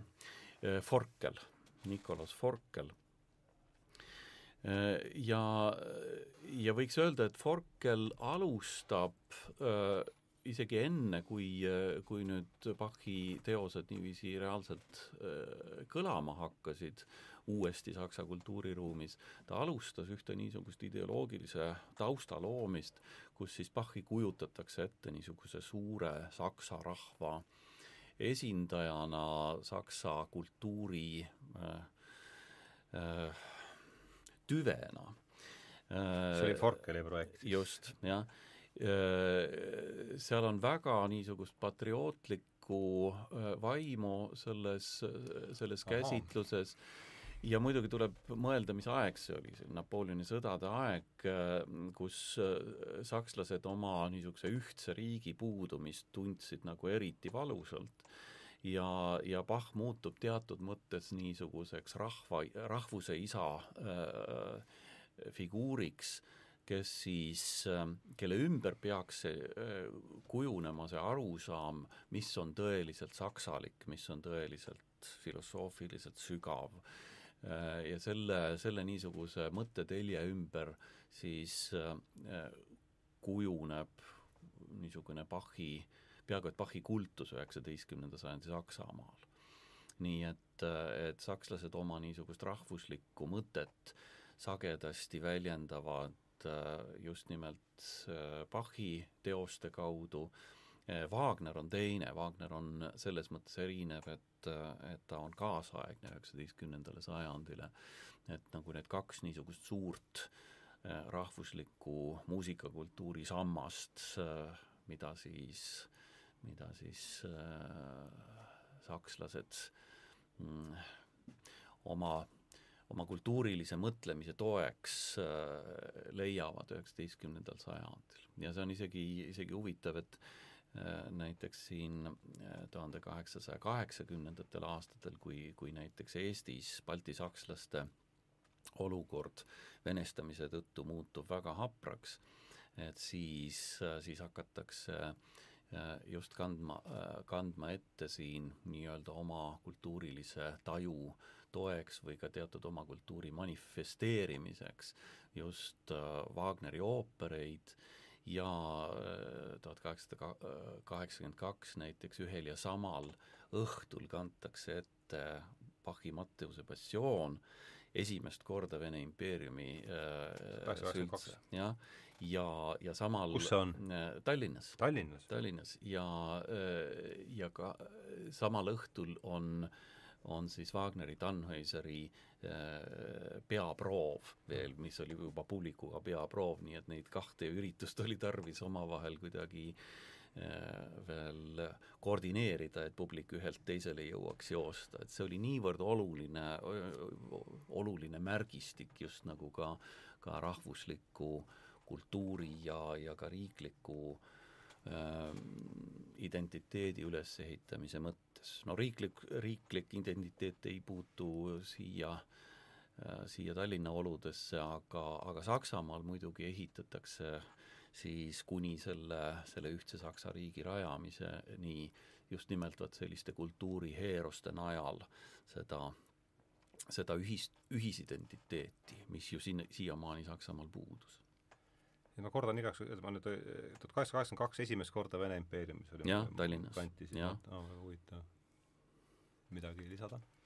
no ma hakkasin mõtlema sellele, et et kui suurrahvaste puhul, nagu sakslased, on võimalik äh, üles ehitada selline rahvusliku muusika paradigma, millest Toomas rääkis, et siis äh, väikerahvaste puhul, nagu eestlased, selline asi on keerulisem ehk siis kui me tahaksime äh, Eesti muusikat näha kitsalt rahvuslikuna, siis me ei saa ajaloos kuigi kaugemale minna, kui see on üheksateistkümnenda sajandi teine pool.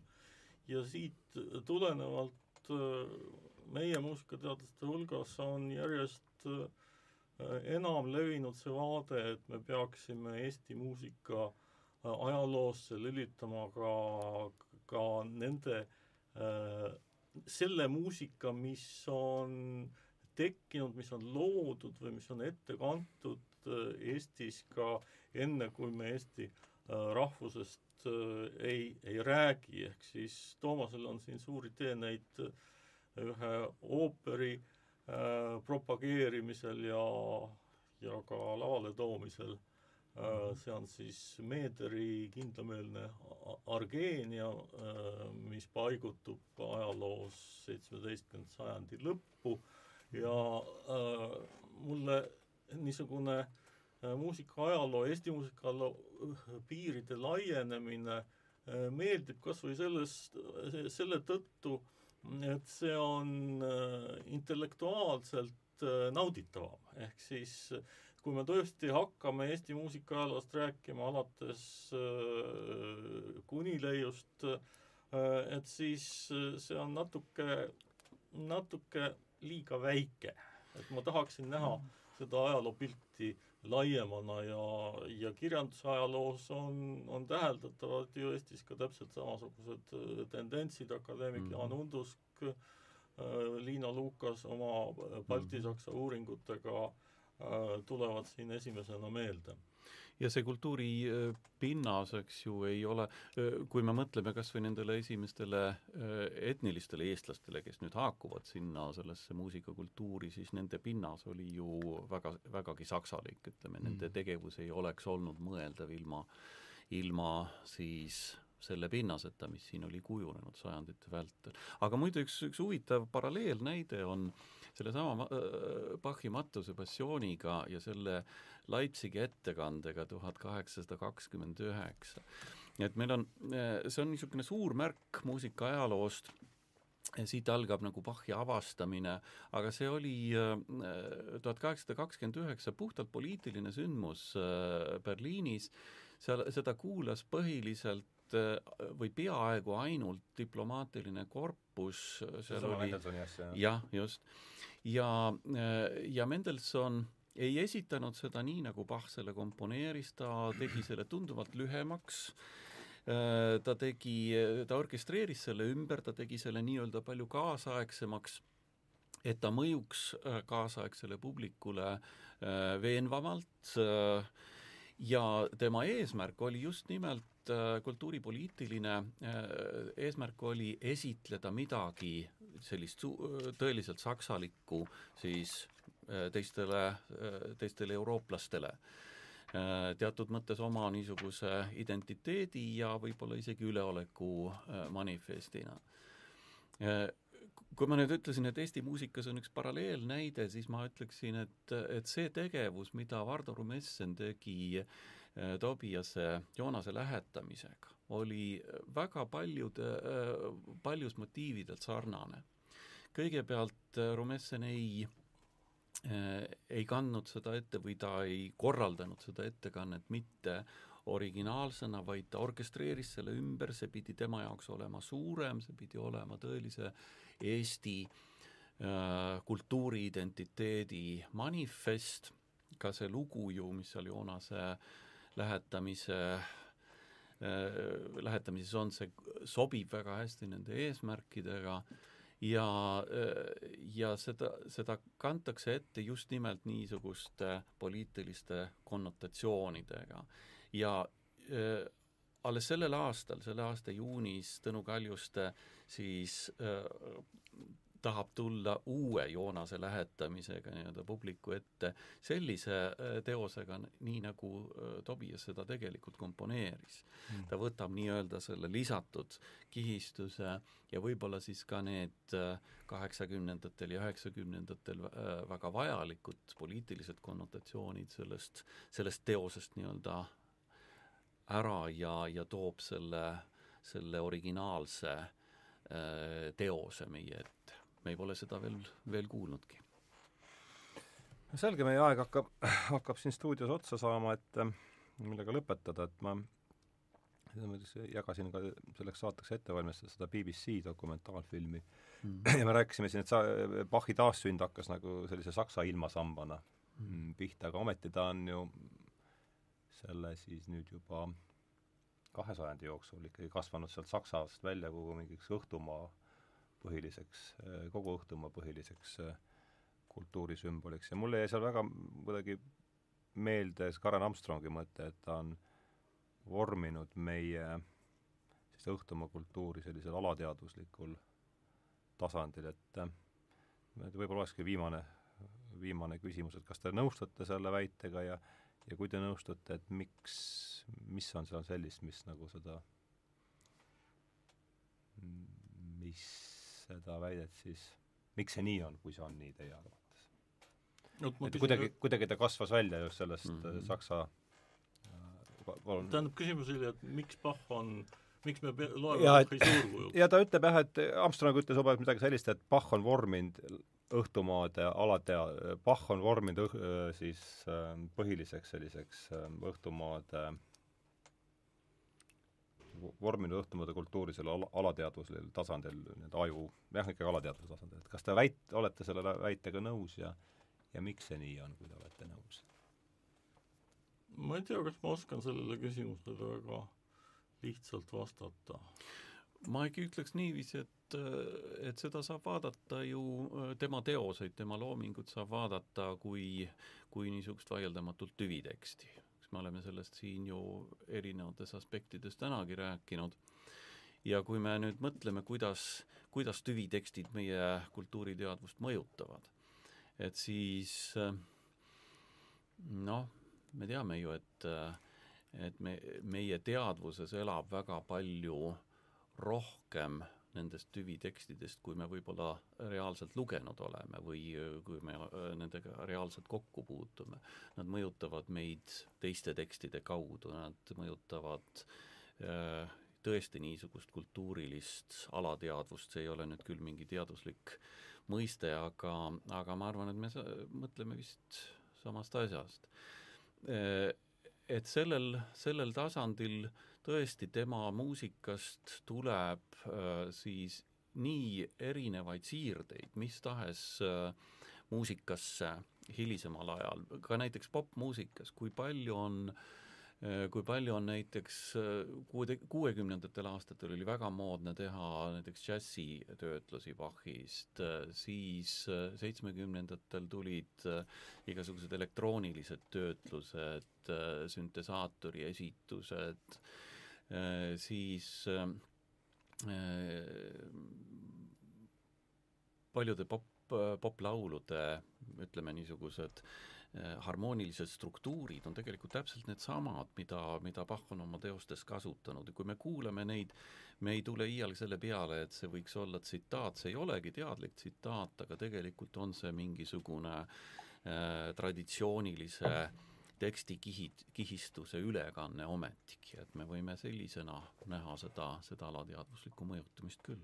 ja kui ma tohin täiendada, siis minu arvates Bachi puhul peab rõhutama seda, et Bachi kogu looming on, on tüvitekst. et mis on tema puhul ikkagi fenomenaalne, on see, kuivõrd erinevates äh, žanrites ta on muusikat kirjutanud ja vist ei ole liialdus öelda, et ta kirjutas muusikat kõigis nendes žanrites, mis üldse tol ajal käibel olid. välja arvatud ooper. välja arvatud ooper, jah. just mm. -hmm.